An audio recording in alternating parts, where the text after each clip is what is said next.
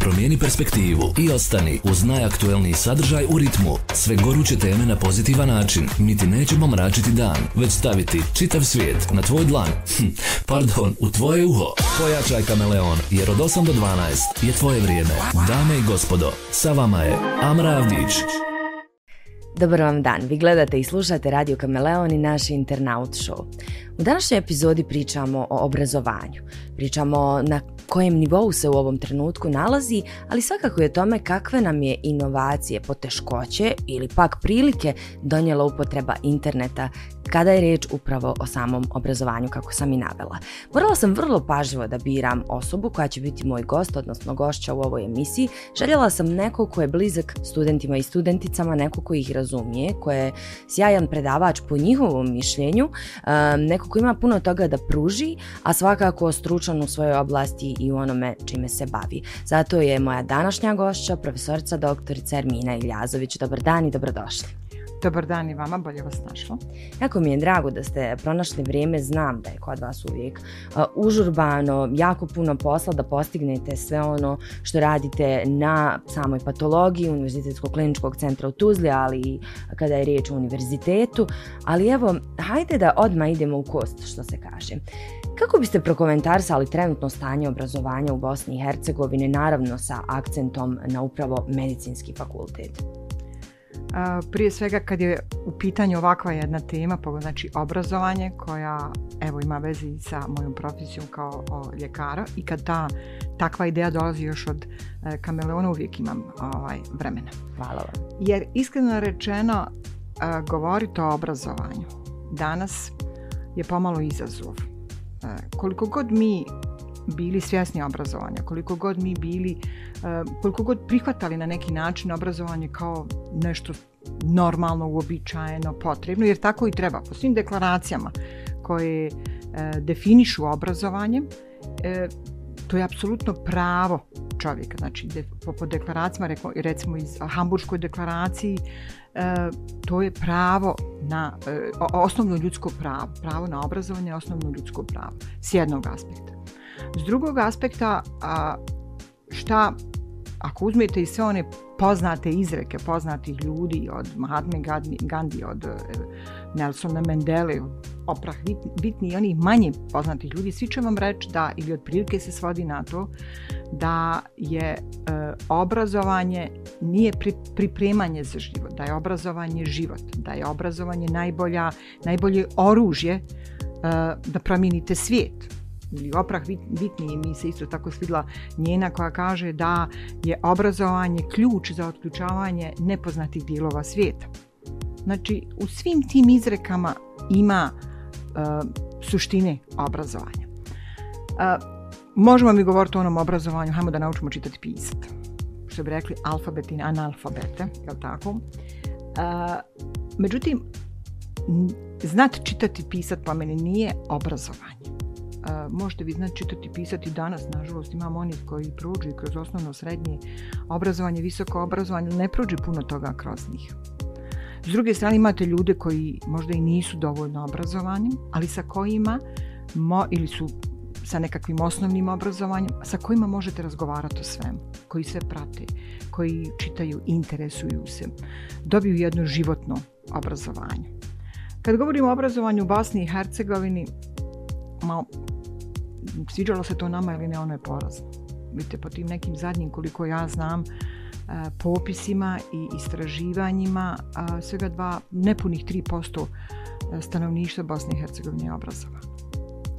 E, postoje drastične razlike između, razlike između urbanog i ruralnog. Postoje drastične razlike u, ova, između polova obrazovanosti žena, pogotovo u seoskoj sredini u odnosu na gradsku sredinu neki čak kažu da po neslužbenim podacima je čak i 15% u Bosni i Hercegovini, što je otprilike kao u rangu afričkih zemalja. Porazno. A u srcu Europe.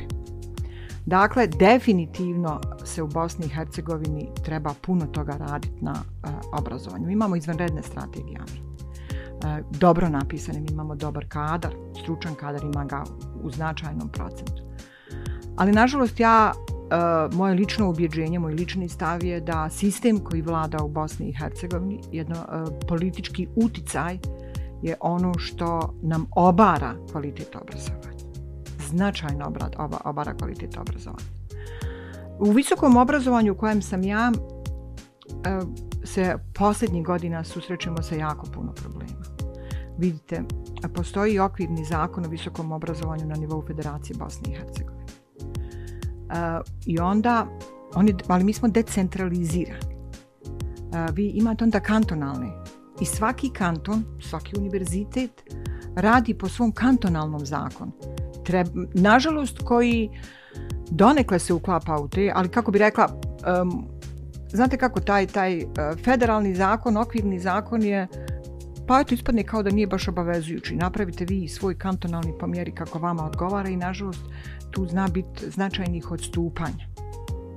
Tako da i opet ima strašne reperkusije na studente, na visoko obrazovanje, dovodi u jednu nezavidnu situaciju i položaj i odnos i nas profesora, ili da kažem nastavnog kadra, i studenata. Znači i prava i obaveza i jednih i drugih. Ali ono što ja znam jeste da koliko god taj sistem nije napravljen po mjeri ljudi koji ga konzumiraju i koji bi trebali biti u njegovom fokusu. S druge strane, vi kao profesorica, šefica katedre na univerzitetu u Tuzli sigurno ne, ne štedite svoje znanje. Kako se zapravo borite? Šta znači vaša borba da unatoč takvom sistemu pružite najkvalitetnije obrazovanje studentima i studenticama? Vidite ovako, znači od trenutka kad sam krenula tim nekim akademskim stopama, i akademskim putem u mom odnosu prema studenta, studentima kao asistenta, u mom odnosu prema studentima kao poslije nastavnika, znači docenta pa profesora, da redovni sam sad profesor, nije sad ima 15 godina, ovaj, sam se trudila da budem asistent ili budem profesor, budem učitelj, kakvog sam ja željela da imam ili kako ja smatram da treba da bude. Znači, u tom nekakvom odnosu vi morate biti otvoreni s mladim ljudima. U svakom trenutku za sve što im treba. Tako da se ja trudim da sam otvorena. Moja vrata su studentima uvijek otvorena. Ja im to kažem na prvom predavanju. Da su im moja vrata otvorena za sve što misli da im ja mogu pomoći. vrlo često ima, odnosno obično na prvom predavanju imam običaj reći da ovaj, pravila igre određuju oni. Kakvi oni, takva ja. Znači fair play, fair play. Krećemo od nule, krećemo sa upoznavanjem, sa formiranjem i stvaranjem odnosa. Ja moram priznati da gotovo u svakoj generaciji, razlikuju se te generacije, nažalost, zbog tih upravo za mene i po mom nekom stavu neadekvatnih uslova studiranja kod nas. Mi imamo generacije od 50, 76, kao što je recimo ove godine, do 300 studenata, da ne možemo stati u amfiteatar. Ali u svakoj generaciji bude jedna ovaj, grupica ili grupa studenata koja vas motivira, koja vas vuče, koja vam pomaže da vas oni koji nisu ovaj, koji nisu baš dovoljno zainteresirani za studiranje ili koji su suviše ležerni u tom svom studiranju, ne baci u očaj depresiju. Znači, zbog takve djece, a ima puno takve djece, ima i puno one koja su na neki način u sjeni. Tako da ja crpim svoj motiv iz svoje želje da pomognem studentima. Da u sistemu za koji smatram ne da nije idealan, nije uopšte dobar, a kamoli idealan, izvučem maksimum za njih. Da im olakšam što god mogu olakšati. Ali to mora biti unutar fair play i sa njihove i sa moje strane. Znači, ako traže svoja prava, moraju znati svoje obaveze. Moraju imati znanje. Kogod se obrati za, po bilo kom osnovu da mu nešto treba. Da ne govorimo o studentima koji žele da rade radove, koji žele da istražuju, da idu negdje, da napravimo razmjenu. Apsolutno, znači onda sam 100%, ja se uvijek trudim biti 100%, onda sam 120% u tome. Sve što može. Tako da, ovaj, eto to bi bilo na neki način kako ja uspijevam naći put do ovaj, možete vi uvijek naći put do mladog čovjeka, samo pitanje da li želite. Unatoč svim izazovima o kojima smo govorili, odnosno o kojima ste vi govorili u prvom i ovom posljednjem pitanju, spomenuli ste 15 godina ste već redovna profesorica. Pa od 2012. u svakom slučaju, vaš angažman u tom smislu ima jednu ozbiljnu količinu godina u kontekstu za ono što želim postaviti kao pitanje u nastavku. Dakle, imali ste priliku biti profesorica studentima koji nisu živjeli u jeku tehnologije kada smo svi digitalizovani, a sada imate priliku također biti profesorica mladima koji su odrastali uz tu tehnologiju. Možemo napraviti nekakvu vrstu paralele? Šta je to razvoju medicine, ali i napretku mladih ljudi kao studenata medicine donio internet kao pozitivno, a šta kao negativno da nas je možda čak negdje i unazadilo? Dobro pitanje. Ovaj, dobro, zaista pitanje. Ja moram priznati da žalim za vremenima prijašnjih studiranja. Sa mnogo manje digitalizacije. Vidite, tad su studenti, prvo smo išli godinu od vremena kad sam ja studirala, pa do ovaj, i značajan broj godina kad sam ja već bila profesor, su studenti išli godinu za godinu. Učili su, znali su da nema prenosa ispita, učili su iz knjiga, tekst, držali knjigu, ja još uvijek volim držati knjigu, a ne volim listati knjigu po, ovaj, na tabletu ili računaru. I imali su da kažem kvalitetnije znanje. Na bolji način su ga prezentirali. Išli su na kongrese, bili su više zainteresirani za kongrese, za uvezivanje, za rad, za rad uh, različitog istraživanja, različitih istraživanja koje onda pretočimo u rad pa prezentiraju na studentskim kongresima. Digitalizacija je dobra, jako dobra, olakšava puno toga. Nažalost, smo pogotovo posljednjih godina svjedoci jedne loše upotrebe te digitalizacije. S jedne strane, s jedne strane, ono što bi trebalo da bude dobro i zašto je dobro, dobra ta digitalizacija, jeste što e, omogućava mnogo lakši kontakt, omogućava mnogo lakše dobijanje informacija, omogućava, e, evo ja sad unutar recimo ovaj, kroz Bosansko-Hercegovačku američku akademiju nauka i umjetnosti, čiji sam član, imamo taj mentorship program i dobila sam jednu mladu ovaj, kolegicu iz Sarajeva, koja, kojoj sam prijavila se za, i evo, e, uz pomoć tehnologije, digitalizacije, interneta, mi daleko lakše komuniciramo i nije neophodno da ona baš sad mora doći u Tuzlu i da se vidimo u Sarajevu da bismo razmijenili sve što nam treba. Sve možemo i ovako, naravno da ćemo se vidjeti, naravno da je živa riječ, ono face to face uvijek e, puno bitnija. pravimo planove šta, kako objaviti i to je, to je, to je savršeno i to bi trebalo biti savršeno. Nažalost, posljednjih godina smo ovaj, sve više svjedoci da studenti na vrlo ružan način koriste tu digitalizaciju. Koriste bubice u ovaj, na ispitima, u odgovaranju. ne znam šta ih vodi u tome. Nisu svi, ne smijemo generalizirati ni jednog trenutka. Ima jako puno dobrih studenata koji uče, koji uče sa razumijevanjem i to je ono što me uvijek drži i ohrabruje. Ali upravo zbog njih znam biti puno oštrija prema tim koji na pogrešan način koriste te privilegije današnje digitalizacije.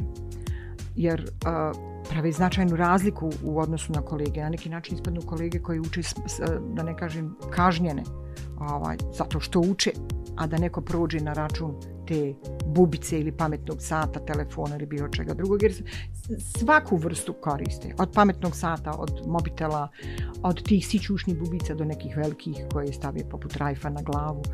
Ovaj, ali to da što kažem, ja ovaj, sam prošla te fazone pa ovaj, uhvatimo ih E, ne znam šta ih vodi, ne znam šta žele postići s time i to je ono što je ružno. Znači mi ove napretke, evoluciju da tako kažem u, u ovaj, informacijalnim tehnologijama bi trebali da zgrabimo, da koristimo na najbolji mogući način, da sebi olakšamo, ali na dobar pozitivan način. Po meni ovakve stvari, e, loše upotrebe trebaju biti tekako kažnjene. Evo uveli smo te neke ovaj, kazne ja lično sam imala onaj na ispitu, ali eto, uhvatila sam, prepoznala sam, mislim, ne možete vi baš tako jednostavno i lako pričat dok vam tamo neko šapće, a to vam otprilike izgleda kao kad prevodite uživo. Da. tako da postoji onaj mali odmak od dok to dođe do vas kad govorite. Ali tako jedno, evo recimo pričamo o tom prepisivanju i sličnim načinima, načinima na koji se određeni studenti dovijaju. Koliko to utiče na neku etiku tebe kao budućeg ljekara u budućnosti? Mislite li da evo, da kažemo da se nekom to omakne ili to jednostavno mora biti povezano s onim što slijedi u nastavu? Kako gledate na to? A, kad vi analizirate, ja sam malo analizirala ko su osobe koje, vidite, može se omaknuti, može, da nešto kažem, pa vidite, od, od, osnovne, od srednje škole, je ono, djeca probaju, pravili su puškice, ovaj, probali su prepisivati. Nije, ja nekad, i, i to mi nije tako strašno, vjerujte. Pa dobro, nekad neko nije siguran, nekad neko ima malo vremena, ne znam ni ja. Uvijek možete, možete, možete provjeriti to znanje, da se razumijemo. I hajde da kažemo, studentski učenički je probat.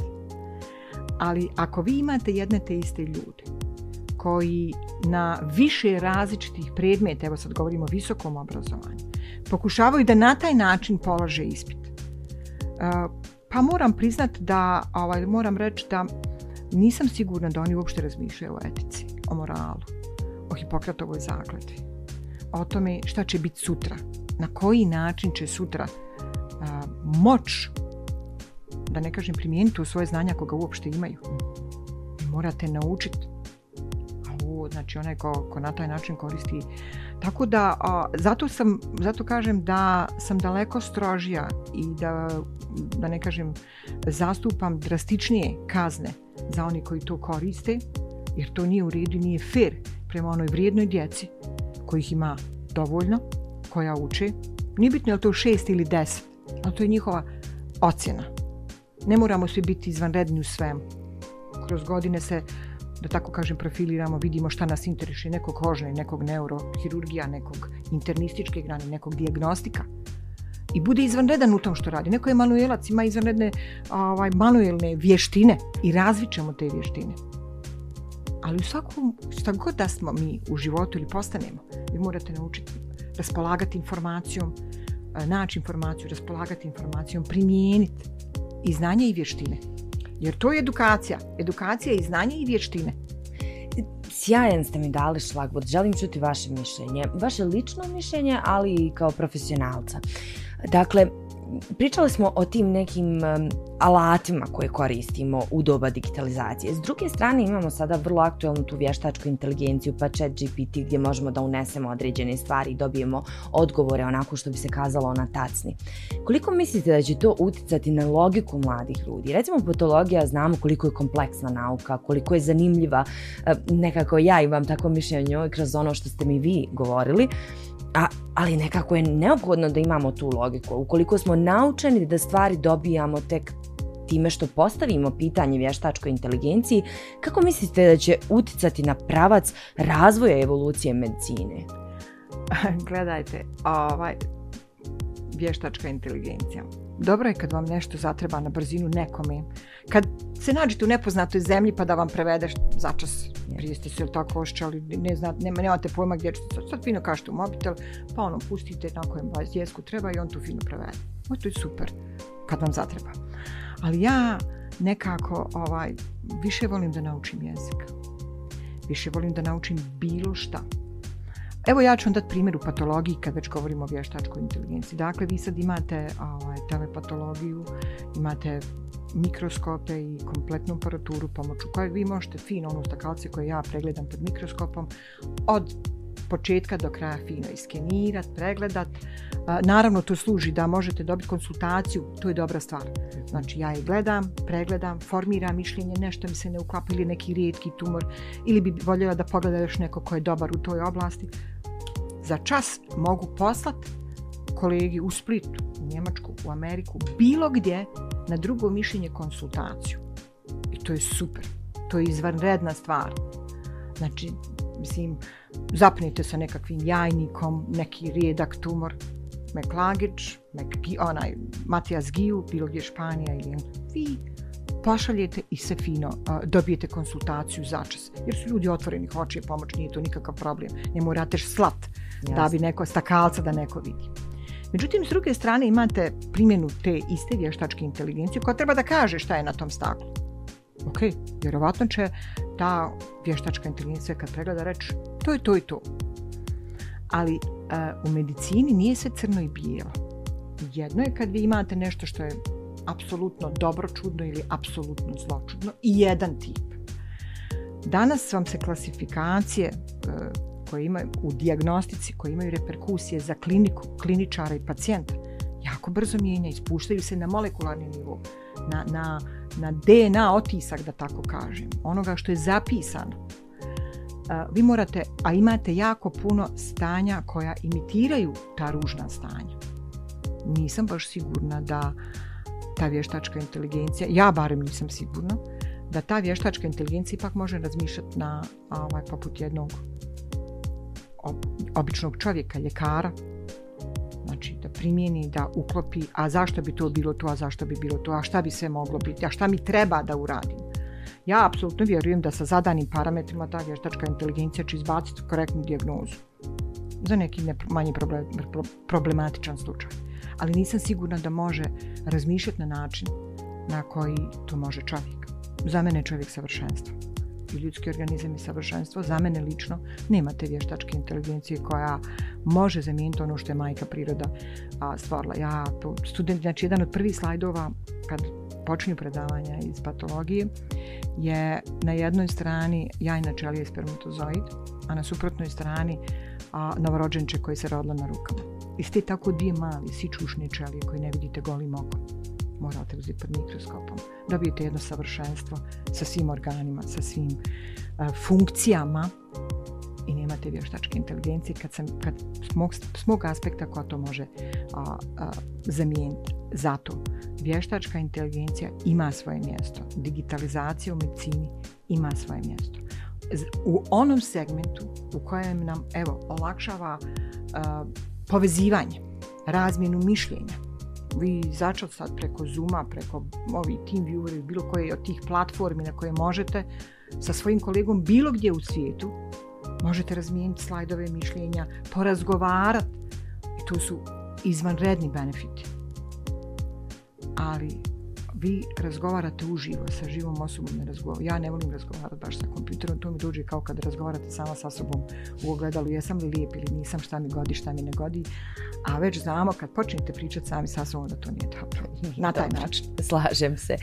Privodimo razgovor kraj, ali ne mogu da ne iskoristim to što ste mi tu i da prokomentarišemo nešto čemu ste vi posvetili dobar dio svog života. To je svakako prevencija, dakle karcinoma grlića maternice. Molim vas, evo negdje spominjemo taj internet, Mislim da je situacija sa moje tačke gledišta dosta uznapredovala na način da nam je taj internet pomogao da o tome malo više pričamo, da činimo da, da to postaje sve manje tabu tema. Ali kakvo je pravo stanje na terenu? To me zanima. A, u pravu ste. U pravu ste. sad, mislim, Ma da vam nešto kažem, digitalizacija vam je takva da ima dvojipogodišnja unuka i te ne zna pisat, ne zna čitat, ne zna ništa, ali te kako zna koristiti ikonice po tabletu kad zatreba, naravno, ovaj, niko je ne uči, čak je, su vrlo ograničeni, ali ona to zna. I je treba, iako je ode kaže šta bi. ovaj, e, šta hoću da kažem? Danas svako, bez obzira na stepen obrazovanja, se zna primijeniti i telefon, i mobitel, i telefon, pametni sat, telefon, bilo, ovaj laptop ili bilo šta drugo. I začas izgugla nešto što ga zanima. Pa izgugla će i o prevenciji raka grlića maternice i šta je rak grlića maternice i šta je HPV i šta su mu sve. I to je dobro. I to je dobro. sasvim sam sigurna da barem među običnim, običnom populacijom je to manje tabu tema definitivno jer pričamo, jer govorimo. Izađu svi oni naše i ankete, svi oni naši projekti i aktivnosti budu dostupni. I to je jako dobro. I s tog aspekta je to izvanredno.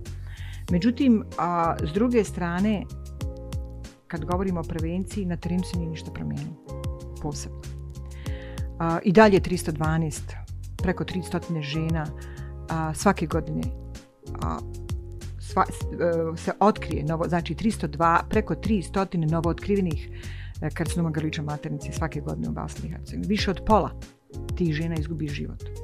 Sa posljednje konzilije, dvije mlade žene, vrlo mlade žene, od čega jedna ima bebu od godinu dana, imaju uznapredovali rak grliča maternice. Imamo problem sa zračenjem, nemamo utusli.